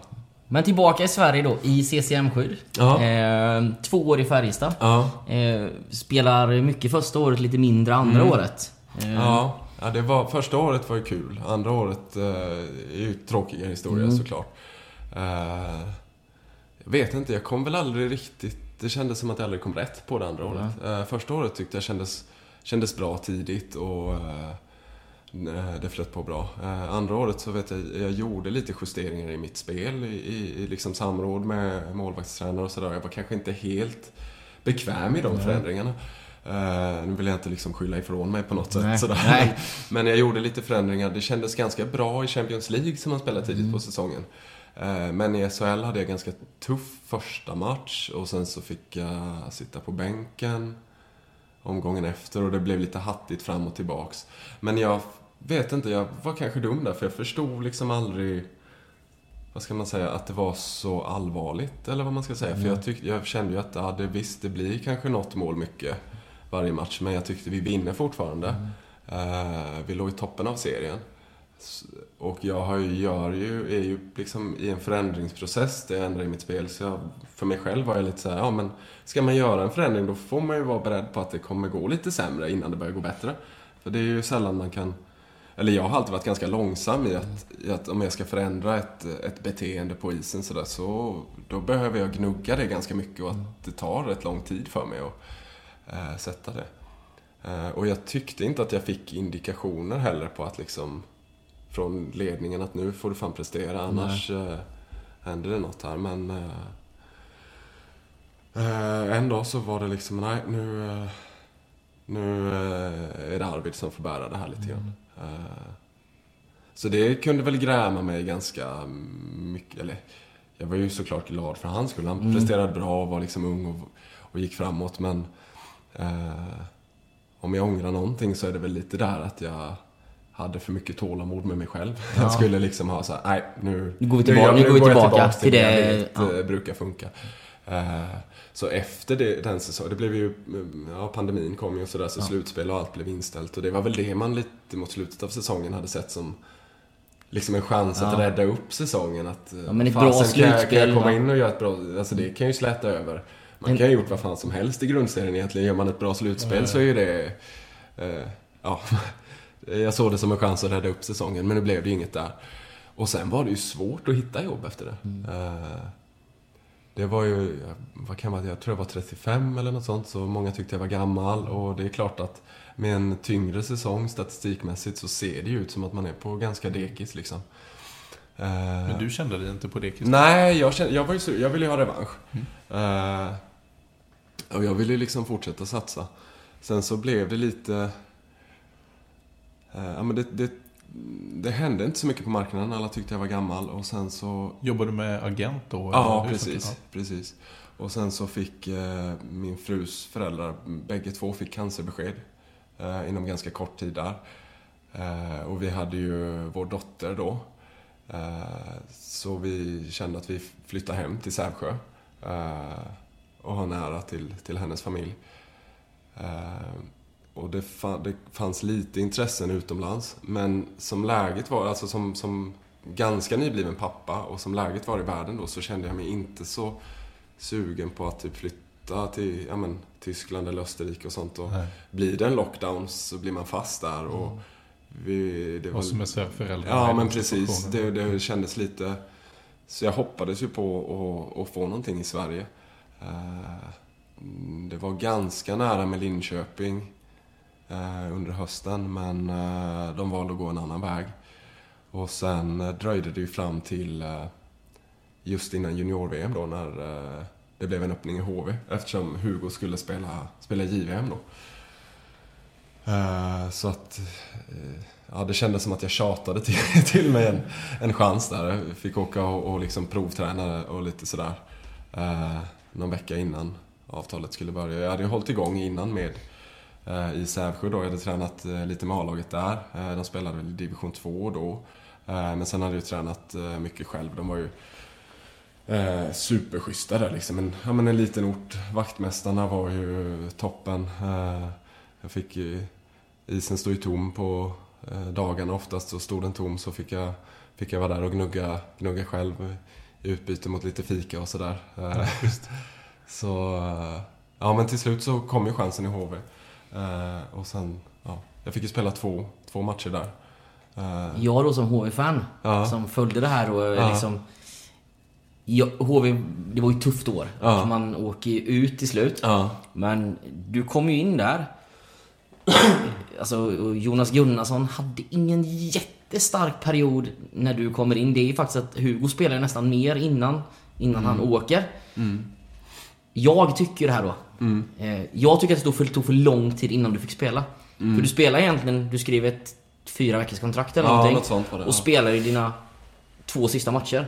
Ja, det Så jag tycker att, och HV där. vinner ju inte det. Jag tycker att, med facit i hand, att Mm. de skulle spelat det tidigare. Hade du, hur var känslan där? Alltså, Ja, men jag kan väl ändå, det är klart att jag ville spela men någonstans kan jag förstå dem för jag tycker att, alltså i mina ögon så, eh, Gunnarsson har alltid varit en väldigt underskattad målvakt i, i Sverige. Eh, alltså jag, jag tycker han har en väldigt, väldigt hög kapacitet och Hugo var liksom på väg framåt så jag kan förstå att de kanske inte ville slänga in mig tidigt för att röra om i grytan. För jag kan tänka mig någonstans så här, men om jag spelar jättebra där, vad gör vi nu då? Ska vi ha tre målvakter då? Eller det blir ju lite rörigt kanske. Eh, så, men ja, mot slutet där så, så fick jag eh, spela och då, då var jag var ju svintaggad kommer jag ihåg när jag liksom skulle få stå. Så jag har inte spelat en match på, på evigheter. Eh, Det kändes som att alla Liksom, jag hade ju varit och raggat i varenda lag och försökt få spela i SHL och alla tyckte jag var för gammal och liksom på väg ut för sådär. Så det var ju verkligen... Eh, eh, man var ju dundertaggad och nervös också när man inte har spelat på så länge. Eh, träna är ju en sak men match är ju lite annorlunda. men du gör ju två jättebra matcher. Mm. Och vad jag fick till mig och hörde så ville HV att du skulle vara kvar. Ja. Hur jag, alltså så här, du tar ju ändå ett beslut att Mm. ja, men, det var du som inte ville, om jag har förstått det rätt. Eh, och då hade man säkert fått låna ut Hugo troligtvis. I det läget. Mm. Men var det, var det inte lite jobbigt att du ser att jag gör två jättematcher, över 91 i räddningsprocent, Mm. vinner en, alltså nästan ensam mot HV. Var det jobbigt då bara att, ah, jag kliver bak? Ja, det, som, det som hände lite, det tog ju eh, det tog ju ett tag från att mitt avtal hade gått ut till att vi eh, liksom diskussionerna togs upp. Eh, men under den här korta perioden som jag var i HV så fick jag reda på att min fru var gravid igen. Eh, och eh, fick reda på att vi väntade tvillingar och att det var enäggstvillingar. Eh, och då är det ju kontroll, det var ju kontroll då varannan vecka under hela graviditeten.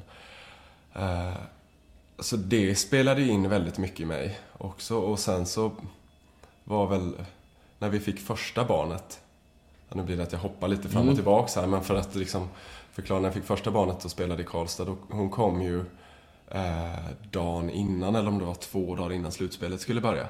Eh, för Moa gick ju över tiden med, med två veckor där.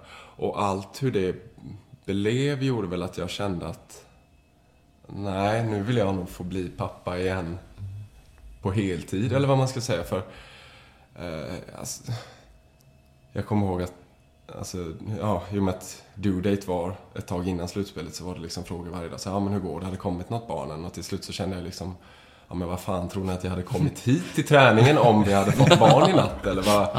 Alltså, man, jag blev ju ganska irriterad på det där och sen så var det mycket med...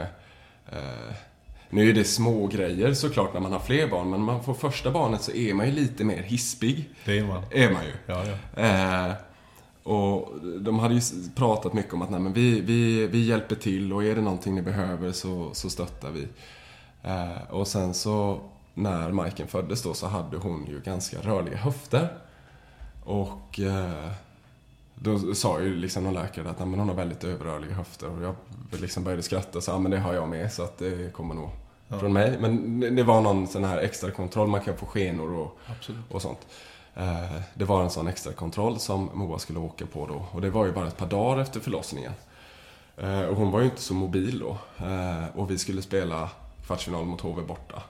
Och jag kommer ihåg att jag frågade så här, men kan, finns det någon som kan hjälpa till och köra min fru till, till sjukhuset och vara med under kontrollen? I och med att jag skulle sitta på bussen till Jönköping då så kunde ju inte jag. Men då var det ingen som kunde så jag fick, fick ragga folk själv. Lyckligtvis så eh, bodde ju Stefan Sten som jag hade spelat med innan. Han, han eh, bodde ju i Karlstad eh, på den tiden mellan säsongen och han var färdigspelad så han fick ju ta, ta Moa till, till sjukhuset den dagen. Men sånt... det jag menar att det, det spelade liksom in att jag, jag kände att jag litar inte på det här med att ja, men du kan få vara ledig för att gå, åka på kontroller. För jag vet ju med mig att är det väl en viktig match och jag har en, en viktig roll så kommer jag inte liksom kunna prioritera familjen över för att de, de kommer liksom inte acceptera det. Så att det var väl, det vägde in mycket i mitt beslut där att, nej. Fam- Family first. Ja, men precis. Ja. Att, eh, eh, ja, men jag kände jag var, jag, jag var färdigspelad så.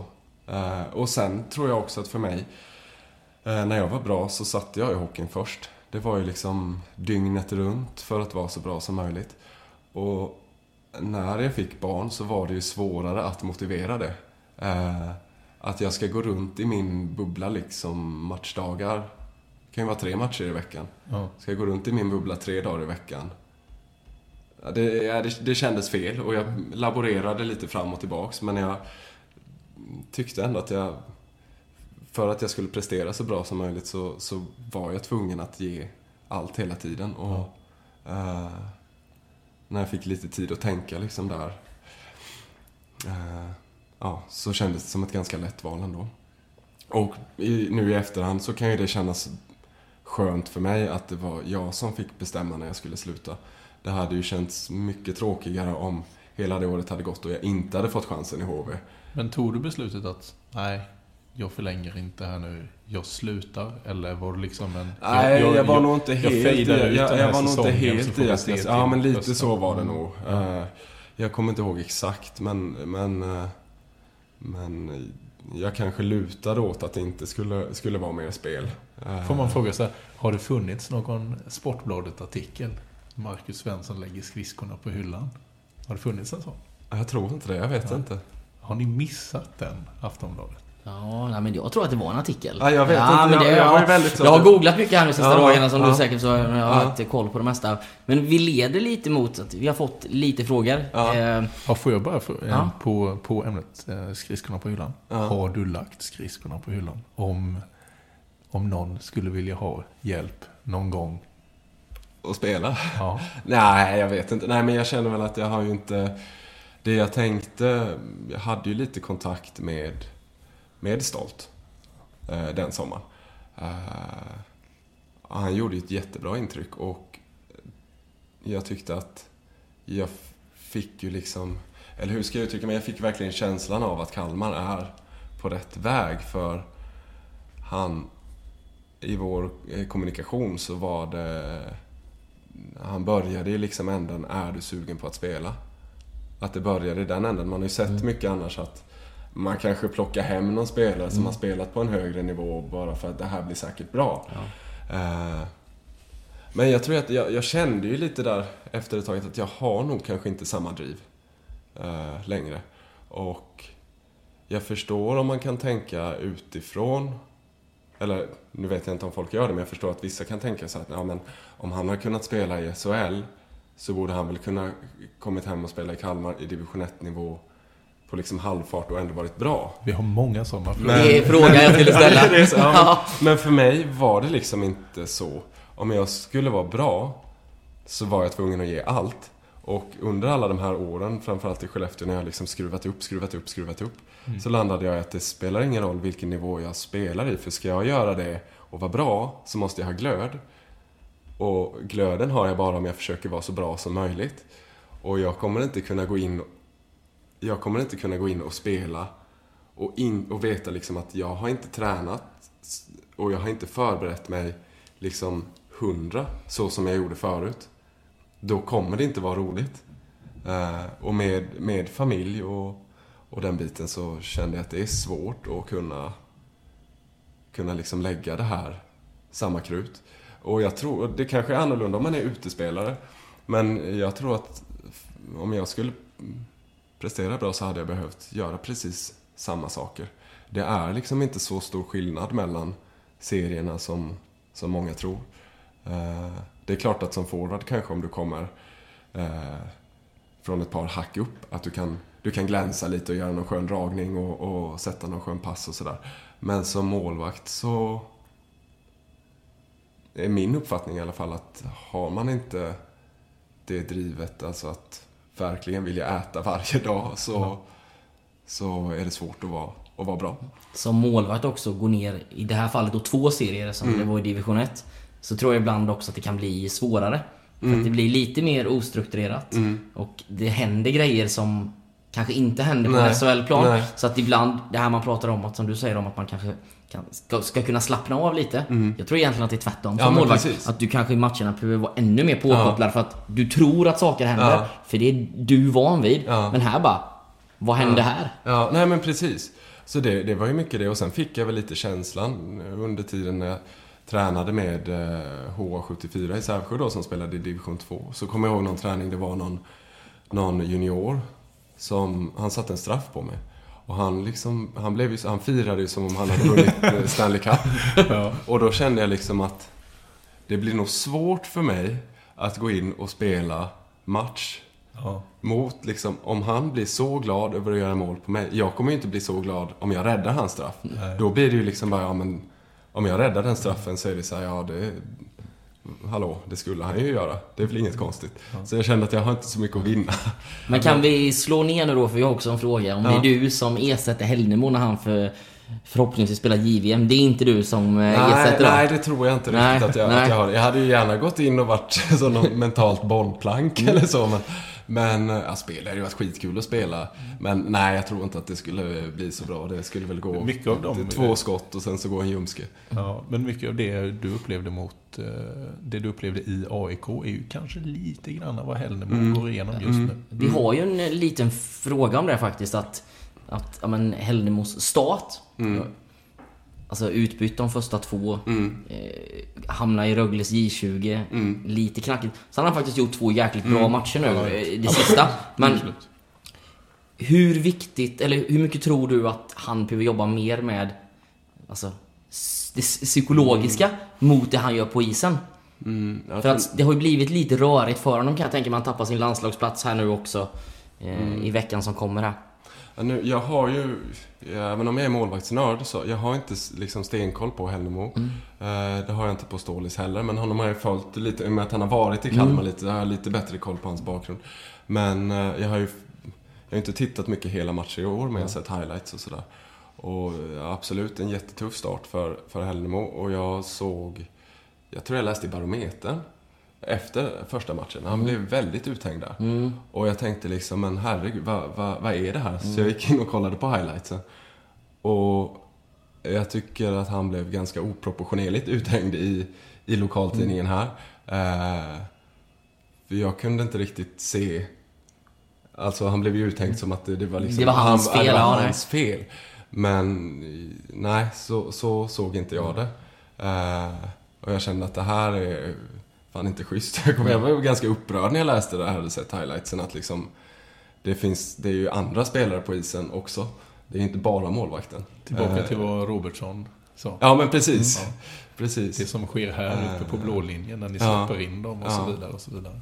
Men annars så tycker jag att eh, liksom hel, det har hanterats ganska bra. Att han, nu var det ju en tuff andra match också, men att han fick komma till Rögle, eh, spela några matcher och sen eh, att han fick chansen att spela ganska tidigt. Ja, men vi Eh, poddade ju tillbaks. den eh, inför den fredagsmatchen. Mm. Ja. Och då pratade vi om det då. Eh, Det var Viktor Lag på Barometern. Ja. Och jag sa att men jag tror att han står ikväll. Ja. För att du måste nu. Ja, men. Men sen övertygade ju Johan och Lag mig om då att han inte skulle stå. Ja. Så att jag var i alla fall så här att... Ja. Men det var också skönt att han fick göra en bra match. Ja, men precis. Eh, Precis. Nej men sen, nu är jag ju inne i det igen. Mm. Jag tycker det är jättebra hanterat att dels få komma iväg, få två matcher och sen få komma hem, få chansen ganska tätt två matcher.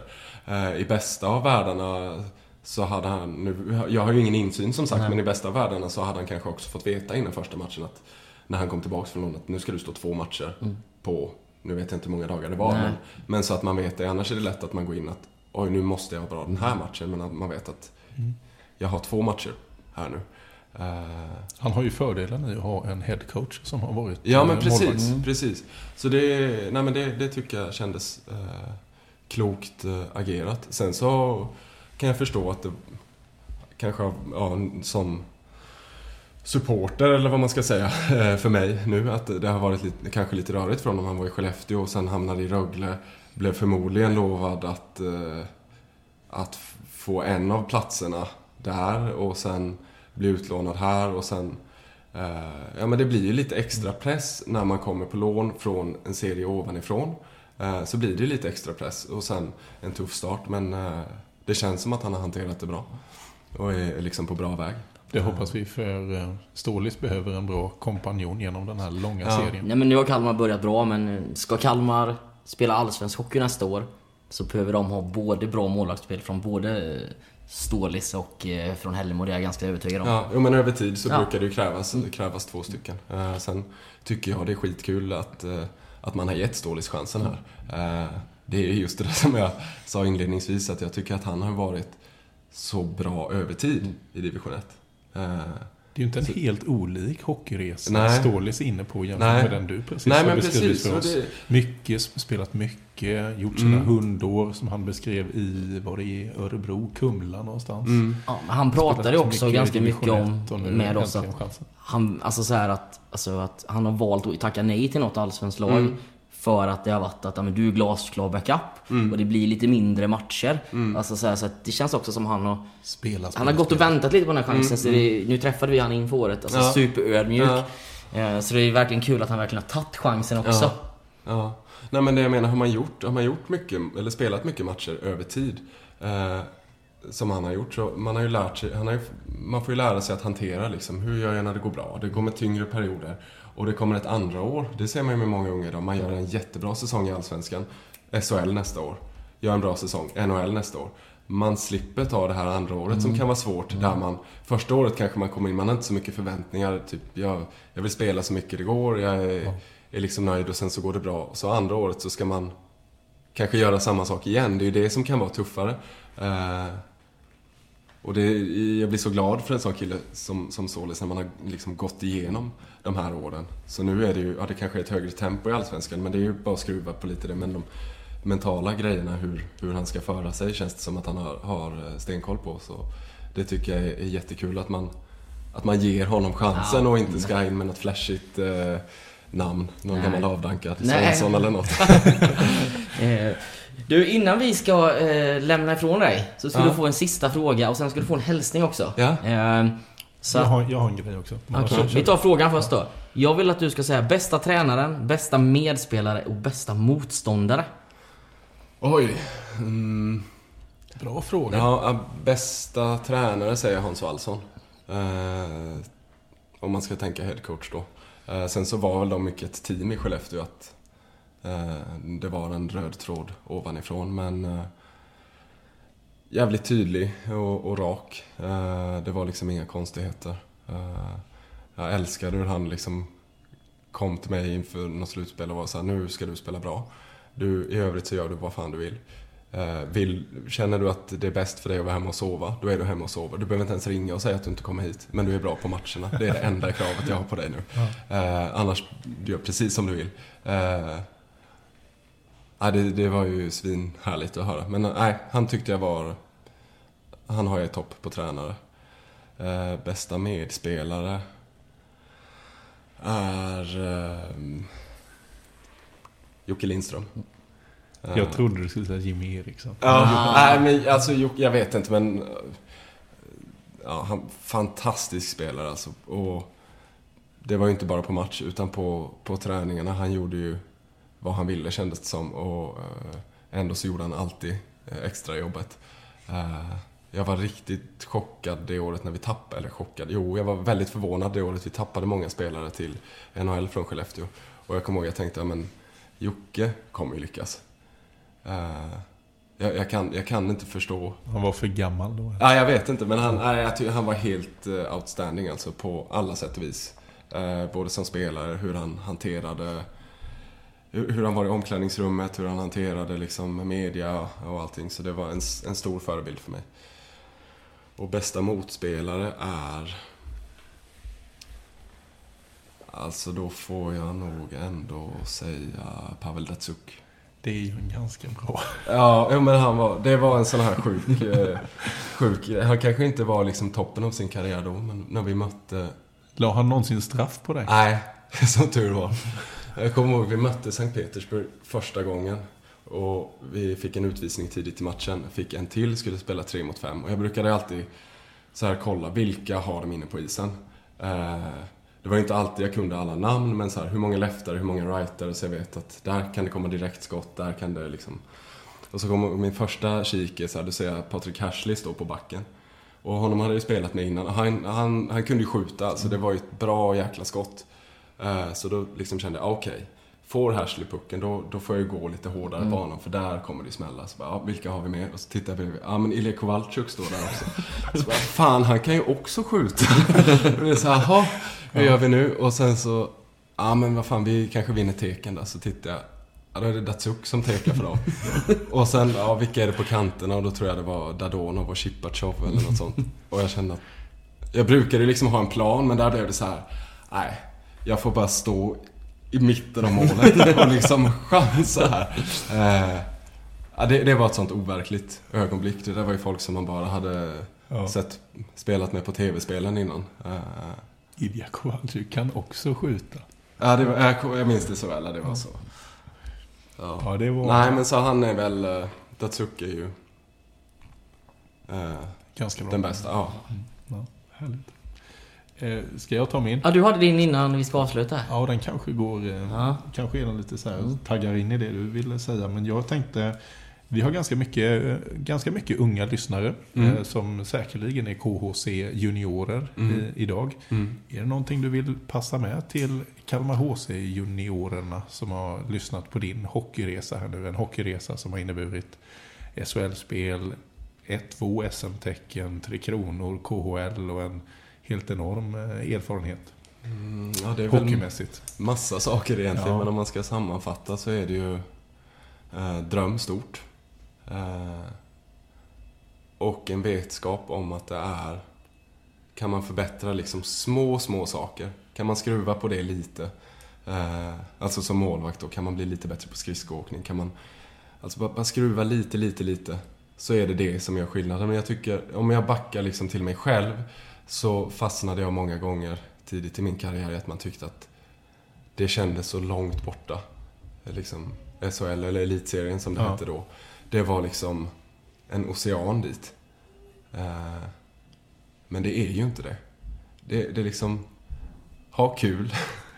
Eh, Gör det man tycker är roligt och liksom, ja, skruva lite, lite på, på små saker. Eh, Det handlar inte om att man måste bli, eller att man ska bli liksom supermycket bättre. Men kan man bli liksom, kan man bli någon procent bättre Ja.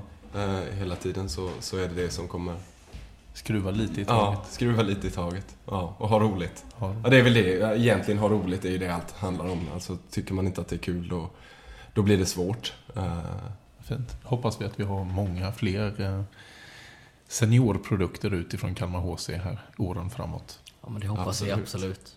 Vad hade du Mackan? Ja men eh, vi har ju nämnt honom några gånger här, Stålis Målis. Han Ja. skickar med en sista, sista hälsning. Eh, så att nu säger jag jag då, men då är det ju Ja. Stålis då. Skulle vilja tacka dig för den inspirationskälla som du och din hockeyresa har varit och fortsatt är för mig.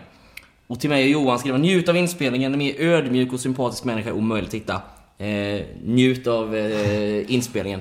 Så att jag ville bara skicka med de fina orden och Johan och jag vill säga stort, stort tack för att vi fick låna dig, vilket blev troligtvis vår längsta podd, men eh, förhoppningsvis den bästa också. Jag är helt övertygad. Det blir den längsta och det var absolut riktigt trevligt att ha dig med Marcus. Stort tack för att du har delat med dig om din eh, hockeyresa. Jag är helt säker på att du har eh, med det här samtalet inspirerat många KHC-juniorer. Ah, gud vad kul. Det var en fröjd att få vara med. Det var länge sedan man pratade hockey och jättekul. Eh, roligt att höra Stålis uh, ord där också. Och grubblar, han- gru, grubblar han över något så kan han ju alltid slå en, slå en pling. Men det känns som han har bra koll på, på läget. Eh, ja, tack så mycket. Hoppas vi ses på hallen. Det gör vi. Tack så jättemycket.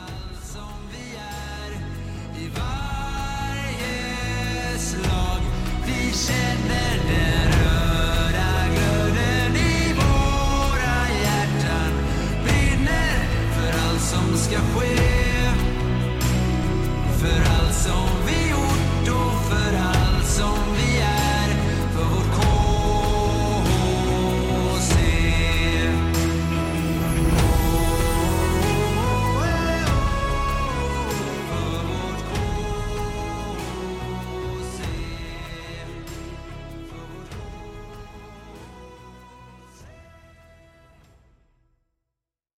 Podden om Kalmar HC görs numera i samarbete med Mad Group International. Och precis som vi sa innan så har vi valt att efterskänka alla våra intäkter till Kalmar HC. Stort tack Mad Group International!